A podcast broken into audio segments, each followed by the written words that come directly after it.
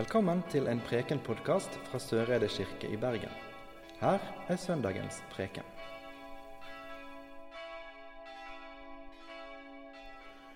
Dette hellige evangeliet står skrevet hos evangelisten Johannes i det 15. kapittelet.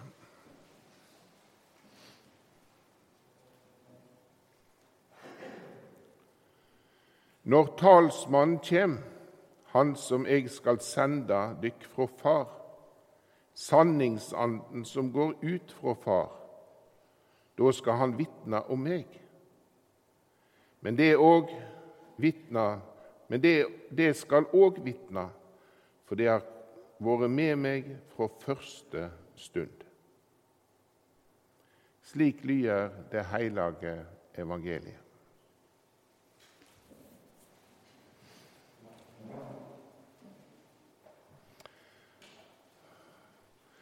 Forlaten og aleine. Det var nok disse kjenslene som læresveinene og Maria Magdalena og Maria Jesu mor hadde i dagene etter Kristi himmelfartsdag.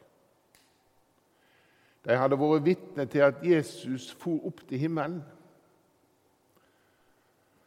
Og så skjedde det ikke noe mer. Læresveinene og Mariaene gikk tilbake til Jerusalem og levde i en sal inne i Jerusalem by, sier tradisjonen. Jesus hadde gitt dem en lovnad om noe som skulle skje, men så skjedde det ingenting. De låste seg inne og isolerte seg, slik som vi kanskje har fått et lite snev av i denne tida når vi skulle isolere oss for hverandre. Det må ha vært noen merkelige dager for læresveinene og Maria og Maria. Var det over nå? Jesus hadde jo Først så hadde de opplevd at han ble arrestert og krossfest og døde. Og Så sto han opp igjen, og på underlig vis så fikk de møte han flere ganger. De fikk ete fisk sammen med han med stranda på Egenesaretsjøen.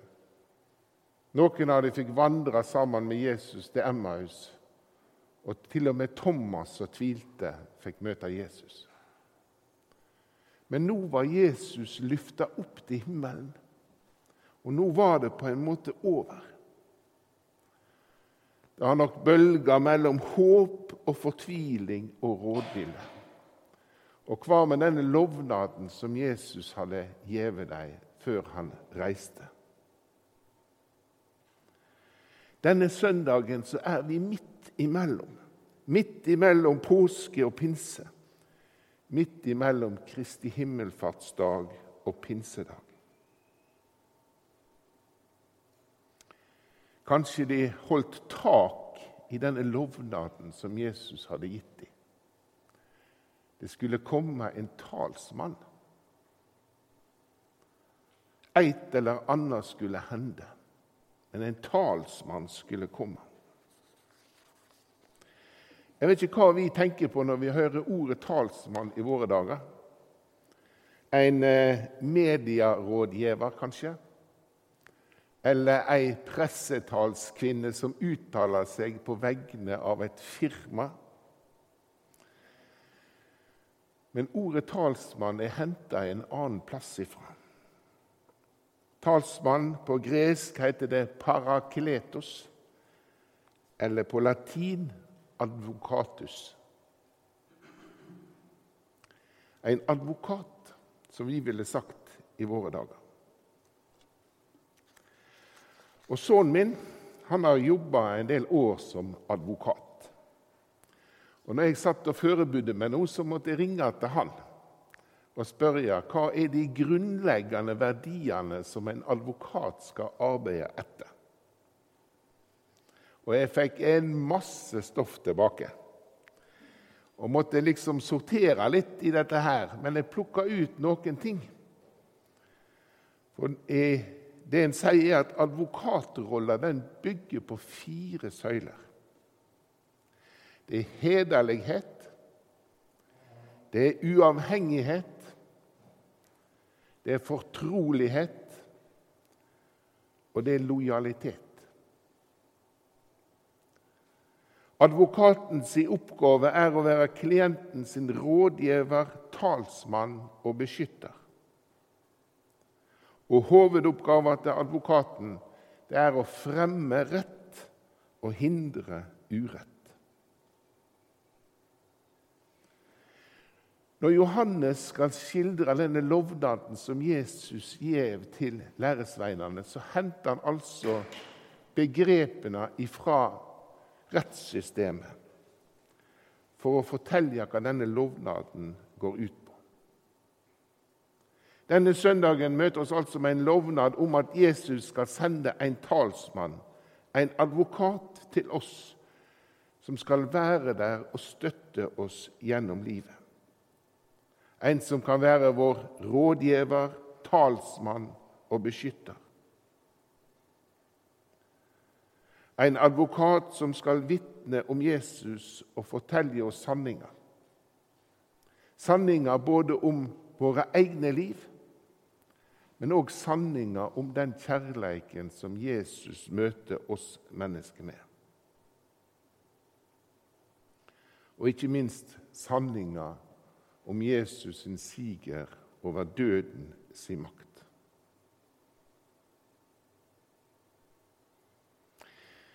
Tidligere i Johannesevangeliet så møter vi Jesus i samtale med rådsherren Nikodemus. Og Nikodemus kommer til Jesus om natta, og de har en spennende samtale. Og Jesus forklarer Nikodemus at han eh, må bli født på ny av vann og ande for å se Guds rike. Og Nikodemus skjønner lite av dette.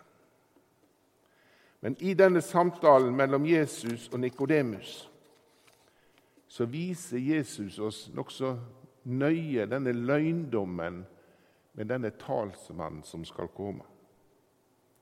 Han viser til mysteriet som skjer i dåpen. I dåpen blir vi døypte av vann og ande. Her får vi Den hellige ande, eller talsmannen, i gåve. Planta inn i livet våre for å være vår rådgiver, vår talsmann og beskytter gjennom livet.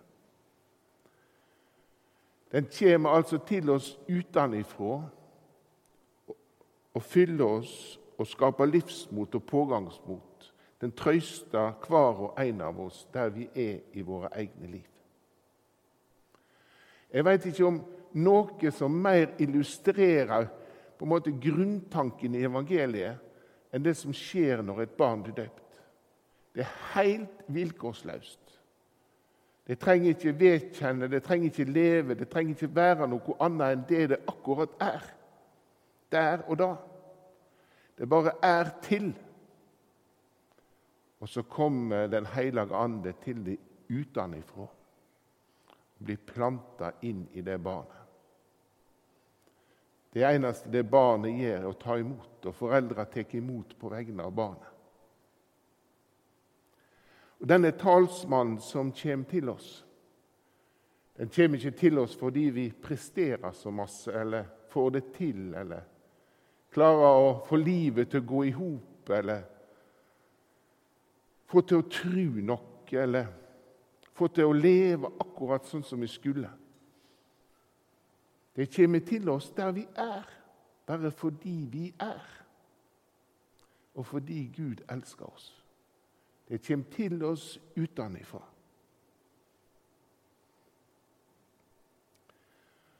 Og det er hele hemmeligheten. Jeg møter ofte mennesker som Kanskje ikke så mye nå i det siste, men tidligere år så møtte jeg ofte mennesker som sa det at nei, jeg kan ikke tro på Jesus fordi jeg klarer ikke å leve slik som jeg skulle. Eller noen som sier at dere som tror på Jesus, dere tror dere er så mye bedre enn alle andre. Altså En oppfatning om at vi for å være truende så måtte vi liksom leve så perfekt.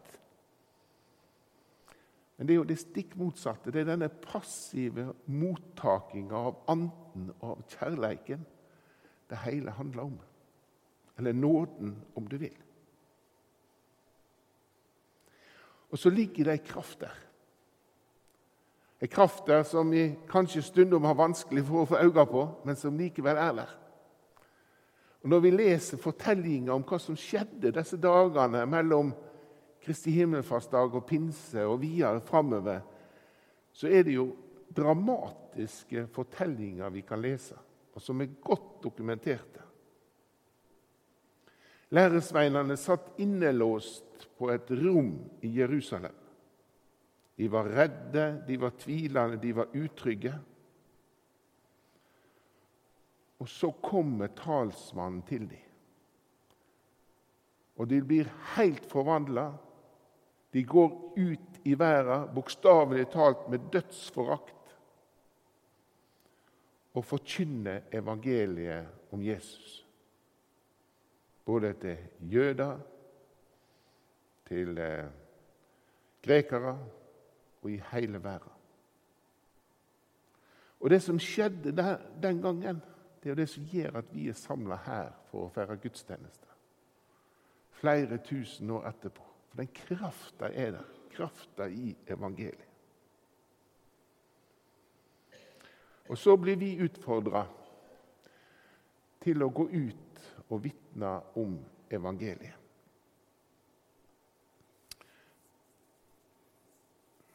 Det er sagt om Frans av Assisi at han sa at vi skulle forkynne evangeliet om nødvendig med ord. Og det tenker jeg på veldig ofte. Vi tenker at det å forkynne evangeliet det handler om å bruke masse ord. Men det kan handle om så fryktelig mye mer. Å vise medkjensle og omsorg og vise Guds kjærleik i vår vær. 10. mai i år så ble Olav Fykse Tveit vigsla til biskop, til ledende biskop i Norge. Og i talen sin den dagen så sa han noe om at nå er det vår tid. Nå er det vi som skal gå ut i verden og vitne om, om evangeliet. Det er vi som er grepet av Kristus, som er kalla til å være rådgiver, talsmann og beskytter for de svake og undertrykte i vår vær.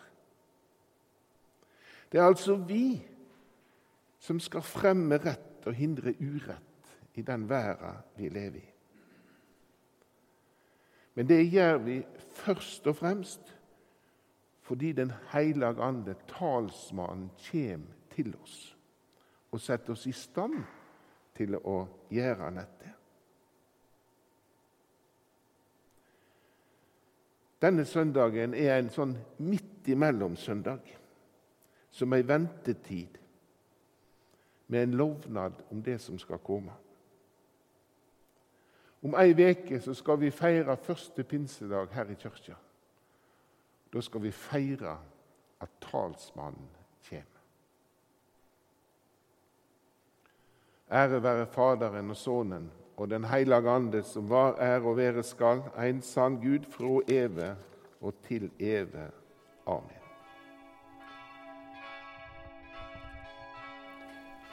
Du har nå hørt en Preken-podkast fra Søreide kirke i Bergen. Vi samles til gudstjeneste hver onsdag og søndag, og har ellers arrangement for alle aldre.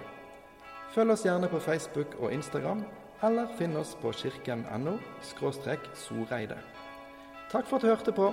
Inntil vi høres igjen, ha en god uke.